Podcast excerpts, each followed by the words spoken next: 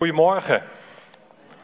Heel fijn dat ik hier uh, vanochtend mag komen spreken en uh, samen met jullie uh, ja, het een en ander mag delen over het thema eenzaamheid. Maar ja, voordat ik dat ga doen, zal ik mezelf eerst even kort voorstellen. Ik ben hier wel eens eerder geweest voor, voor Israël en de Bijbel, voor het studiehuis en voor een behandeling van een van de kleine profeten. Maar de meeste van jullie zullen mij denk ik nog niet kennen. Ja, mijn naam is Sebastian de Graaf. Ik ben afkomstig uit Al van der Rijn. En um, ik ben volgende maand 25 jaar gelukkig getrouwd met, uh, met Annemarie. Ik heb twee dochters waar ik heel trots op ben. Rosalie van 22. En Rosalie die uh, gaat in de voetsporen treden van de evangelist Lucas. Die wordt namelijk arts. En ik heb een dochter Merel van 17 jaar. En Merel die gaat in mijn voetsporen treden. Uh, ik ben namelijk jeugdhulpverlener en dat vindt zij ook een heel mooi beroep om later uit te gaan oefenen. Nou ja, tot, tot zover eigenlijk over mijzelf. En um, ja, ik heb eigenlijk wel een, ene kant een liefde voor echt voor bijbelstudie, maar aan de andere kant ook wel een liefde voor de pastorale onderwerpen. En ik wil het vanochtend met jullie hebben over eenzaamheid. En dat is eigenlijk denk ik ook best wel goed gekozen, want er is in deze tijd best wel veel eenzaamheid. Er zijn veel eenzame mensen. Ik denk dat dat zowel terug te vinden is niet alleen bij oudere mensen die steeds meer alleen komen te staan. Ik denk, nou ja, heel wat jaren terug, mijn oma, die raakte een heel eind in de negentig. Iedereen viel om haar heen weg. En uiteindelijk bestond haar dag er alleen nog maar uit om de rouwadvertenties te lezen. En als je dan op bezoek kwam, ja, dan zei ze, ja, die is overleden, die is overleden. En ja, die leed daar echt onder. En tegelijkertijd kun je ook eenzaam zijn als je jong bent. En misschien zit je hier wel vandaag en denk je van ja, ik heb het eigenlijk heel erg moeilijk. Want ja, niemand begrijpt mij. Um, op school begrijpen ze me niet. Ik heb haast geen vrienden of vriendinnen. Mijn ouders begrijpen me niet. De mensen om me heen begrijpen me niet. Ik voel me heel erg ellendig. En gelukkig hebben we eigenlijk al net al heel veel mooie liederen gezongen. En die zijn ontzettend goed bij uitgezocht. Bij het thema. En daar vinden we al het antwoord in terug. En daar zullen we straks ook bij terugkomen. Dat het belangrijk is dat we in onze eenzaamheid naar God gaan. En misschien zit je hier ook al vanochtend. Niet als hele jongeren, niet als hele ouderen. Maar misschien als vluchteling. Dat je je land hebt moeten ontvluchten dat je nu hier in dit vreemde land bent en hoe hartelijk de mensen je misschien ook welkom heten of niet. Dat je je eenzaam voelt, ontheemd van je land. Of misschien zit je hier wel en lijkt je alles op orde te hebben. Getrouwd, kinderen, maar leid je toch onder eenzaamheid. Ik heb vanochtend denk ik een boodschap voor iedereen. Ook voor de mensen die zich niet eenzaam voelen. Want misschien zit je hier wel van denk je, ja leuk, we kunnen het over eenzaamheid hebben, maar ik voel me helemaal niet eenzaam.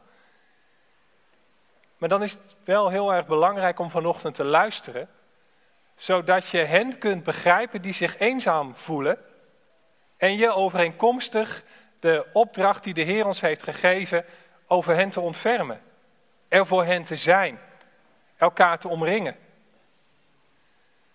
En we gaan straks het avondmaal vieren en daar, daar, daar gedenken we het lijden en sterven van onze Heer Jezus Christus. En ik denk dat juist zo'n avondmaal ook een moment is, en zeker als je die Korinthebrief erop naleest waar het over gaat, wat niet alleen een moment is om het lijden en sterven van de Heer Jezus Christus te gedenken, maar dat je dat samen doet. In vrede met elkaar en met oog voor elkaar. Nou, vandaar dit onderwerp vanochtend. En ik heb uh, voor vanochtend ook de basisbijbel gebruikt. Normaal gebruik ik altijd de herziene statenvertaling. Maar ik heb dit keer de basisbijbel gebruikt. Um, omdat ik dan hoop dat de jongeren het vanochtend ook allemaal wat beter begrijpen. Ik wil met jullie naar Psalm 25 gaan. Nu heb ik geen afstandsbediening. Ligt die hier nog of wordt het voor mij geregeld? Wordt geregeld. Um, dan wil ik met jullie naar Psalm 25 gaan. En die heb ik ook op uh, plaatje staan. En die psalm die is geschreven door David. En nou kennen we David als een heel succesvol persoon in de Bijbel. Hij was een koning. Hij was ook een succesvol singen-songwriter, zo zou je dat in deze tijd kunnen zeggen. kunnen hem eigenlijk wel een beetje vergelijken met Ed Sheeran. Alleen zingt Ed Sheeran over de liefde tussen mannen en vrouwen. En, en David die, die maakte dan liederen over zijn liefde tot God. En David was trouwens ook rossig. En um, hij had alles goed voor elkaar. Hij had zelfs heel veel vrouwen. Hij had al een stuk of tien vrouwen. En dan zou je toch denken, die man is niet eenzaam. En toch lezen we in Psalm 25, kijk maar eens mee op de PowerPoint of in je Bijbel, het volgende. Help me nu, Heer. Heb medelijden met mij. Mijn problemen worden steeds groter. Red me alstublieft uit mijn lijden, uit mijn moeilijkheden. Kijk toch hoe moeilijk ik het heb en hoeveel problemen er zijn. Vergeef me alles waarin ik u ongehoorzaam ben geweest. Kijk toch hoeveel vijanden ik heb. Het worden er steeds meer. En kijk eens hoe vreselijk ze mij haten. Red mijn leven alstublieft. Heer, red mij. Stel me niet teleur, want ik vertrouw op u. Laat mijn eerlijkheid en geloof mij beschermen, want ik vertrouw op u. Ja, en wat we hier dan zien, is dat David, ondanks dat hij alles zo goed voor elkaar heeft, toch eenzaamheid ervaart in zijn leven. En dat kan hè, dat je alles goed op orde hebt, maar dat je dan toch die eenzaamheid ervaart. Dat je het moeilijk hebt en dat je lijdt onder het leven. Wat we bij David zien, is dat er bij hem niets menselijks vreemd is in zijn leven. En wat we in deze psalm dan ook terugzien, is dat hij zich ellendig van binnen voelt. Dat hij het zwaar heeft. En dat hij ook nog eens veel problemen heeft. En ja, wat we toch ook wel vaak zien is dat als je problemen in je leven hebt, op wat voor gebied dan ook, misschien in je relatie, misschien financiële problemen, want dat zien we in deze tijd steeds meer, dat mensen steeds moeilijker de eindjes aan elkaar kunnen knopen. Misschien problemen met je ouders, problemen op school, problemen op je werk, problemen in je relatie, problemen omdat het, je het geestelijk moeilijk hebt, dat je lijdt aan een aandoening, autisme of ADHD of wat dan ook, depressie. En als je er dan alleen voor komt te staan, dan worden die problemen soms ja, veel groter. Dan wordt dat veel lastiger dan wil dat veel zwaarder. Die zaken, ja, die, die hebben invloed op elkaar. Namelijk dat je je ellendig voelt, namelijk dat je problemen hebt.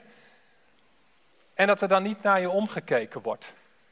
Dat maakt het er allemaal niet makkelijker voor. Terwijl aan de andere kant het ons zoveel zou helpen dat als je het moeilijk hebt en iemand ondersteunt je, dat je leed dat je met je meedraagt, dat het dan minder zwaar wordt, omdat een ander jou helpt om die zware steen waarmee je in het leven te maken hebt, dat die ander jou helpt om die steen te dragen. Dat je dat niet alleen hoeft te doen. En in dat opzicht kunnen we ook zoveel voor anderen betekenen als we die ander helpen om die steen te dragen. En daarom vond ik het ook zo mooi om vanochtend hier te zien dat ja, mensen die uit een ander land hebben moeten komen, om wat voor reden dan ook hier een plaats krijgen. Dus ook zo echt overeenkomstig wat we in de Bijbel terugzien, de Bijbelse boodschap. En toch, we weten het allemaal wel, vanuit de Bijbel, dat we klaar moeten staan voor de ander. Dat we de genade door mogen geven die de Heer Jezus Christus ons gegeven heeft. En toch vinden we dat, is dat soms lastig om te doen. Het heeft alles te maken met onze tijdgeest. Met de tijd waarin we leven. En daardoor zijn er heel veel mensen eenzaam om ons heen. Want wat zien we in onze tijd terug? Dat iedereen heel erg op zichzelf is. De samenleving is ik gericht. Toen ik hier naartoe ging, ik luister dan vaak nog op Sky Radio, dan probeer ik op mijn leeftijd toch nog een soort hip te zijn. Ehm, toen kwam er een liedje voorbij, I'm ready to love myself. En, en er kwam dan ook nog zoiets bij, ik vertaal het dan maar even in het Nederlands, van ja, ik heb niemand meer nodig die van mij houdt. Nou, dat soort liedjes schering en inslag momenteel. Ik ben klaar om van mijzelf te houden. Ik ben klaar om van mijzelf te houden. Ik ben zelf eigenlijk wel tot de ontdekking gekomen dat als je je heel erg met zelfliefde bezighoudt, en dat is eigenlijk bijna een ander onderwerp, maar ik denk wel dat veel mensen dat eenzaam maakt, omdat ze alleen maar op zichzelf gericht zijn, is het alsof je een ui afpelt. En wat gebeurt er als je een ui afpelt? Dan ga je huilen en je houdt uiteindelijk niks over. Het eindigt in tranen en met lege handen. En als iedereen alleen maar erop gericht is dat hij of zij zelf aandacht krijgt, ja, wie krijgt er dan uiteindelijk nog aandacht? Want dan is iedereen alleen maar met zichzelf bezig. En dan ontvangt er niemand meer aandacht, dan ontvangt er niemand meer liefde. Nee, we leven dus in een samenleving waar mensen zich steeds eenzamer voelen. Familiebanden worden verscheurd, vriendschappen gaan snel kapot. Merk het bij de jongeren om mij heen waarmee ik werk. Dat vriendschappen snel kapot gaan, alleen maar door een post op Insta. Of een vervelend filmpje op TikTok. Dan is er gelijk ellende van. Er is uit onderzoek gebleken dat 80% van de problemen in de jeugdzorg verband houdt met het feit dat ouders gescheiden zijn. Dat geeft wel wat aan. En weet je, soms is een scheiding noodzakelijk en soms kun je er niks aan doen. Ik zal de laatste zijn, ook in de lijn van wat de Heer Jezus doet, om echtscheiding te veroordelen. Want je kent het verhaal er niet achter. Ik hoor de verhalen vaak wel. En je kunt er wat van vinden, maar het feit is dat we in een samenleving leven waar heel veel echtscheiding is. En in de gezinnen waar ik kom, het merendeel van de ouders is gescheiden. En je ziet dat kinderen daar problemen van ondervinden. Met name als ouders dan vooral weer bezig zijn met een nieuwe relatie en de kinderen uit hun vorige relatie vergeten. En misschien zit je hier wel, ben je jongere en zijn je ouders gescheiden. En heb je het daar moeilijk mee. Dat mag, want dat is ook heel moeilijk. Of zie je dat je ouders heel vaak ruzie maken. En weet niet iedereen dat en wil je het er ook niet over hebben. Dat is hartstikke moeilijk. En ik kan het hier vandaan ook niet voor je oplossen. Maar hopelijk is er dan wel iemand in de buurt of in de gemeente die voor je klaar staat. Dan zou ik je ook willen zeggen, zoek iemand op en neem hem in vertrouwen en ga ermee praten.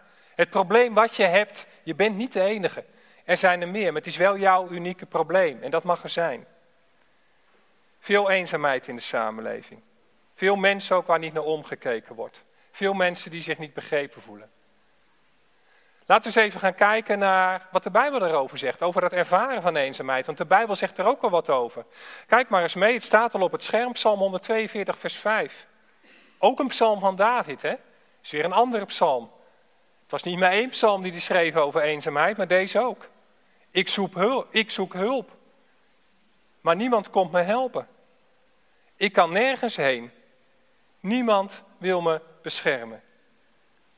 En ik denk dat dat wel iets is, en dus deze woorden zijn zo'n 3000 jaar geleden geschreven, maar dat het nog steeds actueel is.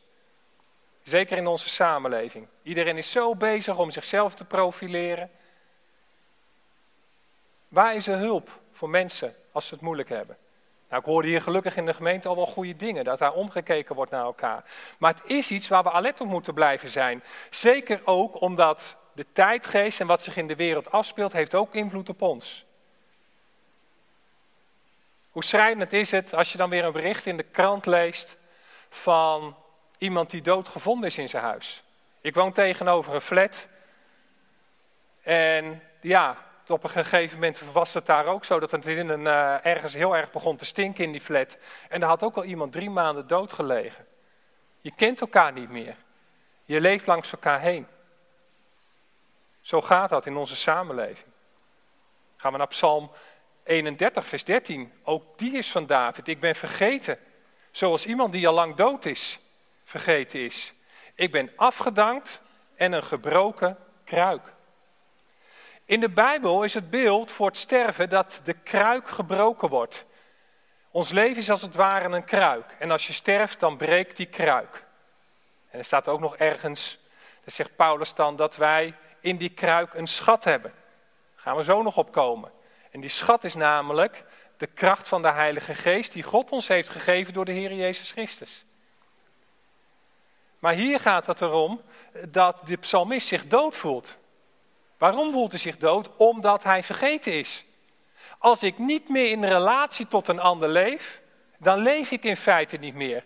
Dan heeft mijn bestaan eigenlijk geen zin. Dus als je eenzaam bent, dan kun je je ook wel eens afvragen: waarom leef ik nog? Ja, en dat zie je ook wel vaak. Mensen die een einde aan hun leven maken, die voelen zich eenzaam. Die voelen zich er niet meer te doen, die voelen zich ook niet meer in relatie tot de ander. En ik wil er eigenlijk ook gelijk toch op aansluiten. Want ik weet dat suïcidale gedachten veel vaker voorkomen. En het is een heftig onderwerp, ik weet het. Maar ik spreek ook uit de praktijk van wat ik zie. En de noodzaak daartoe. Maar dat suïcidale neigingen en gedachten vaak veel vaker voorkomen dan wij beseffen. Het is belangrijk dat als je die opmerkt bij iemand, dat je daar wat mee doet. Dat daar in ieder geval hulp komt. En aan de andere kant is het ook belangrijk als jij er vandaag mee zit. Dat je daar naar iemand toe gaat, naar hulpverlening of iemand die je kent. Roep hulp, want er zijn zeker mensen, en zeker onder ons als gelovigen, mensen die jou willen steunen, die er voor je willen zijn.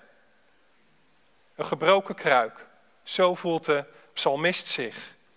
En dat is niet de bedoeling, want dat vinden we ook in de Bijbel terug. Want eenzaamheid is nooit Gods bedoeling geweest. Kijk maar eens mee, Genesis 2, vers 18. Begin van de Bijbel. En daar gaat het niet alleen over het huwelijk tussen man en vrouw, maar dan gaat het ook over vriendschapsbanden die je mag hebben. Het er voor elkaar zijn als broeders en zusters in de Heer. Het voor elkaar zijn als broers en zussen en als ouders van kinderen en als van kinderen voor je ouders in een gezin. Wat staat er dan in Genesis 2, vers 18? En de Heer God zei: Het is niet goed dat de mens alleen is. Ik zal iemand maken die bij hem past en die hem kan helpen. En dat woord helpen, dat wat hier gebruikt is, dat heeft in het Hebreeuws dezelfde betekenis als hoe God ons als schepselen, als gelovigen helpt. Er is wat van gemaakt dat de vrouw het sloofje van een man is. Nou, ik heb in 25 jaar huwelijk ervaren dat ik mijn vrouw heel hard nodig heb gehad. En mijn vrouw is voor mij heel belangrijk. Ook al begrijpen we elkaar niet altijd, ook al hebben we wel eens ruzie, want dat hebben we ook wel eens gehad. Ook al voelen we ons allebei wel eens eenzaam in onze relatie, maar we zoeken elkaar toch iedere keer weer op. En zo geldt dat voor alle relaties. Ook als je als gelovige onderling bent. Als ik met jullie praat, dat we elkaar aanspreken, dat we elkaar bemoedigen, dat we klaarstaan voor elkaar, dat we trouw zijn. En dat is waar het momenteel ontbreekt in onze samenleving. Wat hoor je in onze samenleving heel erg veel? Liefde. Alles is liefde. Er is ook zo'n film van gemaakt trouwens. Alles is liefde. Ja, maar als je het niet meer voelt, en dan gaat het, ik voel het niet meer. Ja, ik voel me ook zo vaak niet zo best. Nou, als ik daar allemaal naar zou gaan handelen. Maar er is ook nog zoiets als trouw. En met name trouw is zo belangrijk als er eenzaamheid is. Dat er iemand is die trouw aan jou is. Die jou blijft steunen. Dat is belangrijk. Een mens is ervoor gemaakt, is ervoor geschapen om contact met elkaar te hebben. We zijn ervoor om vrienden te hebben. Om, om, om met, als medegelovigen met elkaar om te gaan, om een familie, om een gezin te vormen. En juist dat staat zo onder druk in deze tijd. En dan denk ik, juist daar kunnen we als gelovigen het verschil vormen. Door op zondag bij elkaar te komen. Door voor elkaar te zijn als broeders en zusters. Door elkaar lief te hebben. Door inderdaad de vreemdeling op te vangen. En wat krijg je er dan voor terug vanochtend? Wat een prachtig getuigenis. Zo mooi om te horen. Dat mag je dan raken en dan zie je dat de geest door alle talen en alle culturen heen breekt. Ik ga naar Lucas 10, vers 27. Daar had ik eigenlijk net al iets over gezegd. Daar staat en houdt ook net zoveel als van de ander als van jezelf. Ik heb christelijke opleiding in Ede gedaan. Dan kregen we ook op een gegeven moment een boekje. Een, een pastoraal boekje. En um, ja, daarin werd dan gesuggereerd van ja, je moet hem ook omdraaien. En houd ook net zoveel van jezelf als van de ander. Um, wat het feit een beetje is, ik, ik, denk ook dat het op een gegeven moment goed is dat je in ieder geval iets van zelfacceptatie doet. Maar waar het in deze tijd is doorgeslagen, is die zelfliefde. Waar ik het net over had, dat liedje, I'm ready to love myself. I'm ready to love myself. Ik ben tot de inzicht gekomen dat aan de ene kant goed is om jezelf te accepteren zoals je bent. Dat is, dat is een ding. Maar het is misschien nog wel veel belangrijker. Je komt nog wel steeds meer, tot, tot steeds beter tot je recht. In de relatie met anderen. En ja, dan is het inderdaad soms pijnlijk om te bemerken dat die, relatie, niet, dat die relatie er niet is. En misschien zit je hier vanochtend en heb je met verbroken relaties te maken, op wat voor manier dan ook. Een liefdesrelatie die over is gegaan, dat je met een gebroken hart zit. Of dat je nooit liefde hebt gekend, op wat voor manier dan ook. Het feit is dat uiteindelijk de weg is dat wij de ander lief gaan hebben. Dat we daar zelf de eerste stap in zetten. En we gaan straks ook wel zien waar dat vandaan moet komen, waar we de kracht vandaan halen. En ik kwam zelf al een hele tijd terug een hele mooie definitie tegen van liefde. Want ja, inderdaad, ik had het net over, we hebben te veel nadruk in deze tijd op liefde. En trouw is belangrijk, maar liefde hoort er ook te zijn. En eigenlijk in deze definitie van liefde zit ook wel het stuk trouw. Want er staat, ik wil dat jij bent. Ik wil. Er zit een werkwoord in. En dat, dat, dat spreekt verbondenheid uit naar de ander. En dat jij bent. Ik wil, ik zet me ervoor in. Ik doe er zoveel mogelijk aan als dat ik kan. En dat jij bent. Dat is niet dat ik bepaal voor jou. Dat is niet dat ik alleen maar voor jou zorg. Nee, maar dat jij ook uiteindelijk in staat bent om de ander liefde te geven. Ik geef en laten we dan even gewoon toepassen ook, hè? want daar zijn we hier tenslotte voor op het christelijk geloof. Ik geef de genade door aan jou, die ik van de Heer Jezus Christus heb gegeven. En ik hoop dat jij dat uit mag delen. Even puur naar deze spreekbeurt bekijkend. Ik lees veel, probeer altijd ook veel de meningen van anderen te horen. Nou, en dan maak ik dan een verhaal van en dat kom ik vanochtend hier houden. Dus eigenlijk geef ik door wat ik heb gelezen en nou, ik geloof dat ergens Gods geest daar zijn werk ook wel in heeft gedaan. En wat jullie vanochtend dan weer horen, wat ik mag doorgeven, want eigenlijk is het niet meer dan dat, mag je dan vervolgens ook weer doorgeven aan een ander. Zo mag dat gaan. Liefde is uitdragen, ik wil dat je bent. En toch, we weten het allemaal. In de theorie is het allemaal zo makkelijk en zou het allemaal goed moeten lopen, ook in de gemeente. En ik weet ook zeker dat het hier in de gemeente wel eens misgaat. Ook al is mijn eerste indruk goed. En laten we daar eerlijk over zijn. Net zoals dat het bij mij thuis wel eens misgaat. Ook ik schiet als ouder vaak tekort ten opzichte van mijn kinderen. En kan mijn kinderen ook niet datgene geven wat ze daadwerkelijk nodig hebben. Dan komen we zo uit. Want waar heb je het uiteindelijk, wat is uiteindelijk waar je nodig, wat je echt nodig hebt? We hebben het eigenlijk net in al die liederen al over gezongen. Dat is de kracht van de Heer Jezus Christus. Maar dat is voor zo. Laten we eerst maar eens even nog wat komen tot die erkenning van het feit dat je eenzaam bent. En daarvoor heb ik een aantal Bijbelse voorbeelden. Allereerst de profeet Elia. Een van de belangrijkste profeten bij het volk Israël, naast Mozes. En die Elia, ja, die deed geweldige dingen. Die had echt een offerbeddel op de karmel, waarbij hij de priesters van de Baal versloeg met kracht van God. Daar heb je het alweer, met kracht van God, daar komen we op uit. En die priesters van de, van, van de Baal, die kregen dat uh, brandofferaltaar niet aangestoken uit zichzelf. dat ze daar de zonde zeg maar aan aansteken, niet dat ze dat in die tijd hadden. Maar dat ze tot hun God gingen bidden en die moest dan dat altaar aan gaan steken. Nou, dat lukte hen niet. Ze gingen zich zelfs met messen steken. Ook dat hielp niet. Elia lukte dat wel vanuit de kracht van God, zelfs al was dat altaar nat. En dan denk je, nou, dan komt het hele, geloof wel, het hele volk wel tot geloof. Nou, dat gebeurde niet. Elia werd zelfs vervolgd en hij ging in de woestijn en hij was er klaar mee. Hij zei, hier, laat me maar doodgaan. Ik ben er helemaal klaar mee. Ik hoef niet meer te leven. En dan zegt hij, ik heb heel erg mijn best gedaan voor u. Dat had hij zeker. De God van de hemelse legers. Maar de Israëlieten hebben zich niet meer aan uw verbond gehouden. Ze hebben uw altaren afgebroken en uw profeten gedood. Daardoor ben ik alleen overgebleven. En nu proberen ze mij ook te doden. Die grote Elia, geweldig handelend in de kracht van de Heer, voelde zich diep en diep eenzaam. En eigenlijk wat ik vanochtend wil zeggen is ook, Joh, weet je, als je je nou eenzaam voelt, is dat niet een gebrek aan geestelijkheid. Het is de realiteit van een leven hier op aarde. Een realiteit van een leven op aarde waar dingen gewoon misgaan en waar dingen gewoon niet goed gaan. We gaan naar de volgende persoon, de apostel Paulus.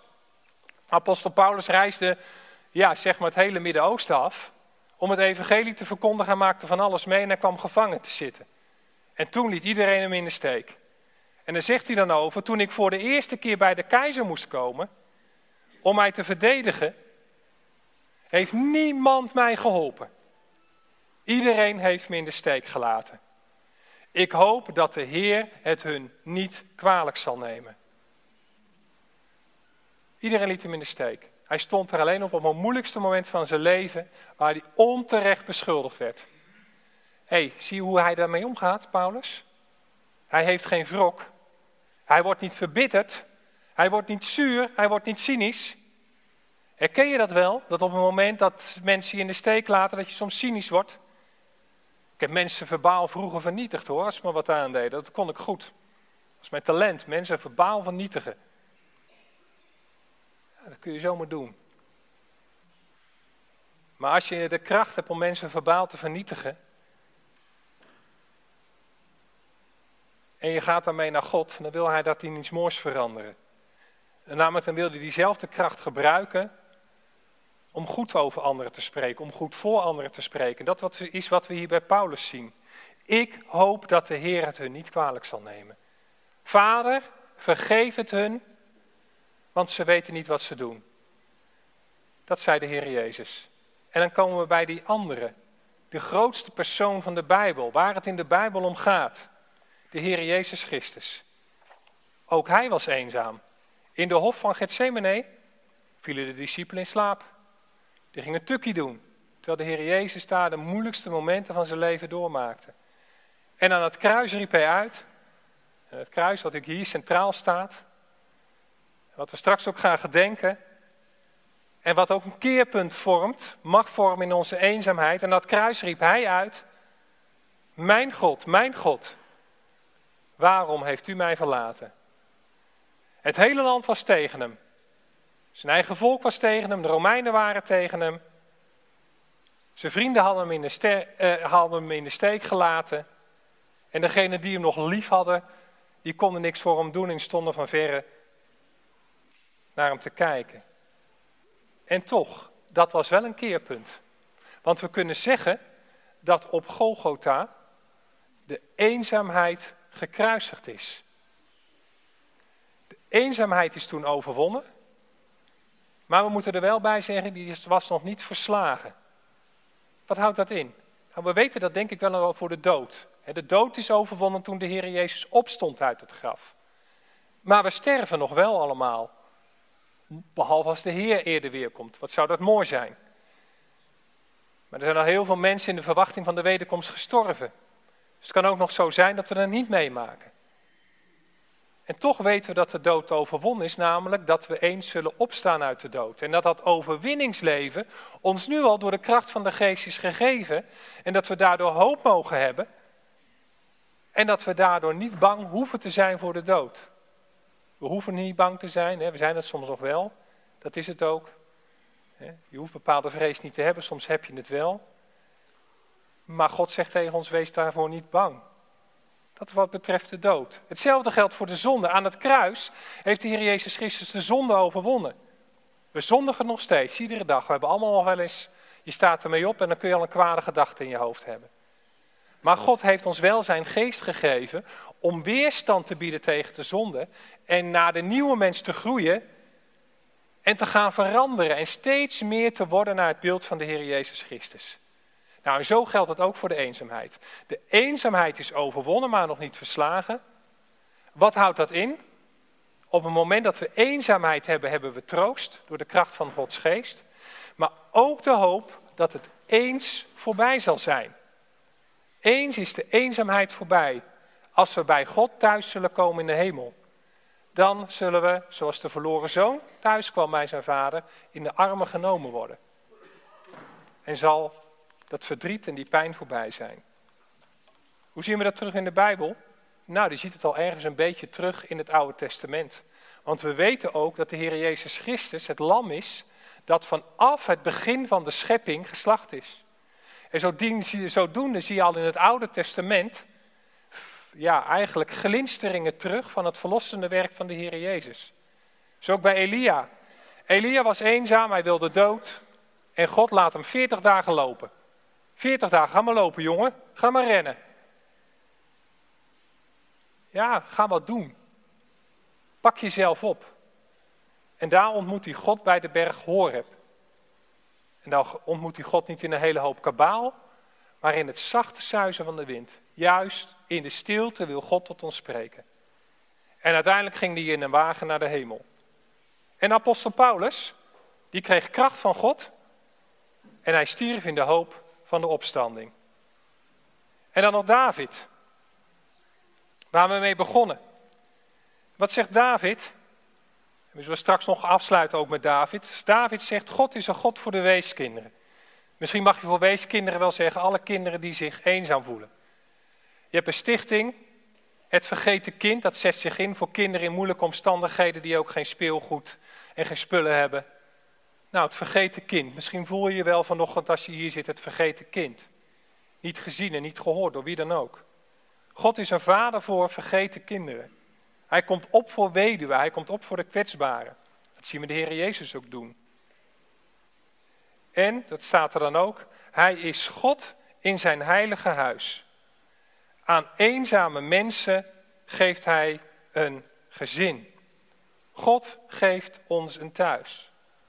Enerzijds is dat geestelijk, in de zin van God geeft ons kracht om nu door te gaan door dit leven. Maar anderszins mogen we ook straks thuiskomen bij de Hemelse Vader. Wat betekent dit voor ons? Ja, eigenlijk zei ik het net al, gelovigen horen bij Gods huisgezin. Dat geeft ons een identiteit. Wij zijn kinderen van de Vader en een identiteit bepaalt waarvoor je leeft. Wij leven voor de Hemelse Vader. En Hij geeft ons ook de kracht om door te gaan in dit leven. De Heer is dichtbij, staat er in Filippenzen 4, vers 4. De Heer is dichtbij. En tegelijkertijd, als wij ons eenzaam voelen, mogen we daarmee in gebed gaan. En dan mogen we weten dat de Heer Jezus Christus onze eenzaamheid begrijpt. En waarom? Omdat Hij zelf eenzaam is geweest. Hij heeft de eenzaamheid gedragen aan het kruis. Maar tegelijkertijd staat er ook in Jesaja 53 dat Hij onze zonde en onze lasten en onze ziekte op zich heeft genomen. En dan is het de Heer Jezus Christus die zegt, ik wil dat jij bent. En dat ik wil liet hij zien door zijn verlossende werk en door zijn genade. En dat jij bent, dat is de opdracht die wij meekrijgen. Ik wil dat jij bent. Doet ook denken aan Galaten 2 vers 20. Ik ben met Christus gekruisigd. Maar niet meer ik leef, maar Christus leeft in mij. En juist in, het liefhebben, in de liefde van Christus voor ons. En ons antwoord daarop. Dus Christus heeft mij lief en ik heb Christus lief. Daar ligt het antwoord voor onze identiteit. Niet zozeer in de zelfliefde. Ik wil er niet te hard over oordelen. Maar ik geloof wel op basis van de Bijbel dat de liefde van Christus, daar vinden we onze anker in. Daar vind je de oplossing in. Dat is eigenlijk ook wat, je mee, wat ik mee wil geven. Is misschien ook wat het belangrijkste van vanochtend. Neem mee dat Christus van je houdt. Het is een hele simpele boodschap. Maar dat het, de oplossing voor heel veel van de problemen in je leven erin ligt dat je je op Christus richt. Daar ligt de basis. We gaan afronden, want volgens mij zit ik al aardig over mijn tijd heen. Hoe gaan we met onze eenzaamheid om? Ja, we zijn soms eenzaam. Dat blijft, want we leven in een wereld met problemen. Maar we hebben altijd hoop. En ook troost. Dat kunnen we er ook aan toevoegen. Hoop dat we straks thuis zullen komen en dat de tranen van onze ogen gewist worden. En troost in de zin van God gaat met ons mee. Hij wil met ons meegaan. En God wil, God wil juist hoorbaar worden, juist in de stilte van de eenzaamheid. Zoals het ook bij Elia gebeurde. Hij was helemaal eenzaam en toen openbaarde God zich aan hem. Als ik mij wel eens rot voel, dan zoek ik vaak mijn studeerkamer op.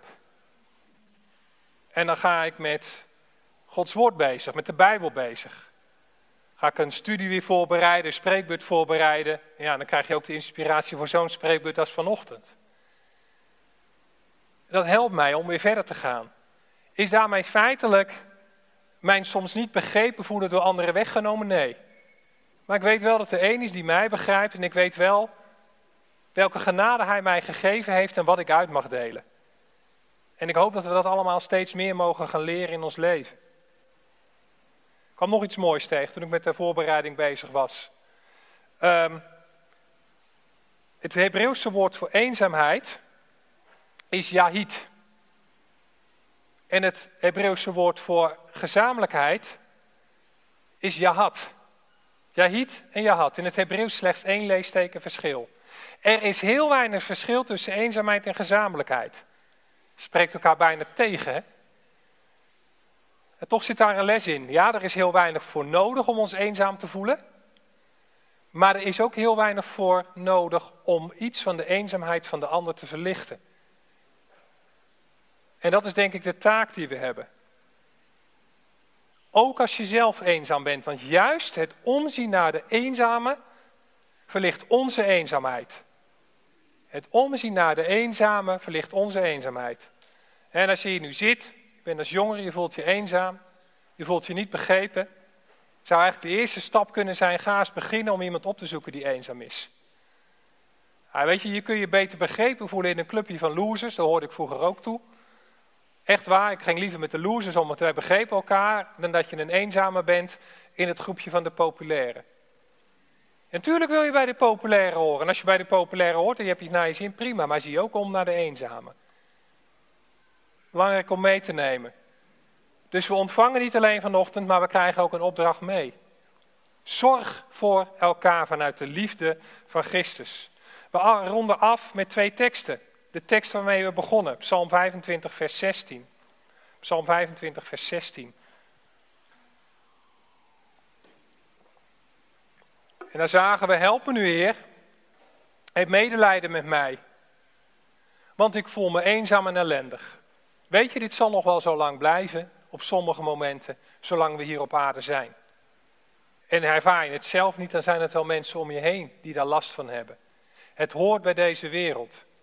En tegelijkertijd wil ik er ook bij zeggen, ja, je mag ook eenzaam zijn.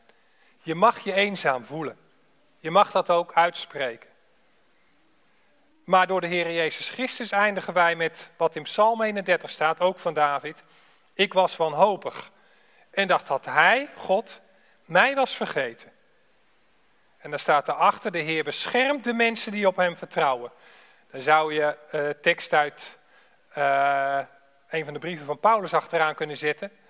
Dat God onze harten en onze gedachten beschermt in Christus Jezus harten en gedachten. Niet altijd fysiek. We worden ziek en we sterven. We kunnen een ongeluk krijgen, maar onze harten en gedachten worden altijd behoed. Ik wil er maar één klein voorbeeld van geven. Toen uh, ons tweede dochtertje werd geboren, nou ja, dochter ondertussen, een heel lang eind geworden. Toen ging het niet goed met bevalling. En ik had begrepen, dat was niet goed gecommuniceerd, dat ze vreesde voor haar leven. En mijn vrouw moest afgevoerd worden met de ambulance. En mijn vrouw had natuurlijk op dat moment genoeg aan zichzelf. Die moest puffen, weet ik veel wat doen. Allemaal dingen waar ik als man geen verstand van heb, waar je alleen maar een beetje naast kan zitten hè, en niet al te veel mening over mag hebben. Maar ze moest met spoed afgevoerd worden naar het ziekenhuis. En ik ging mee in die ambulance. Nou, ik heb inwendig lopen vloeken en schelden, dat mag je best weten.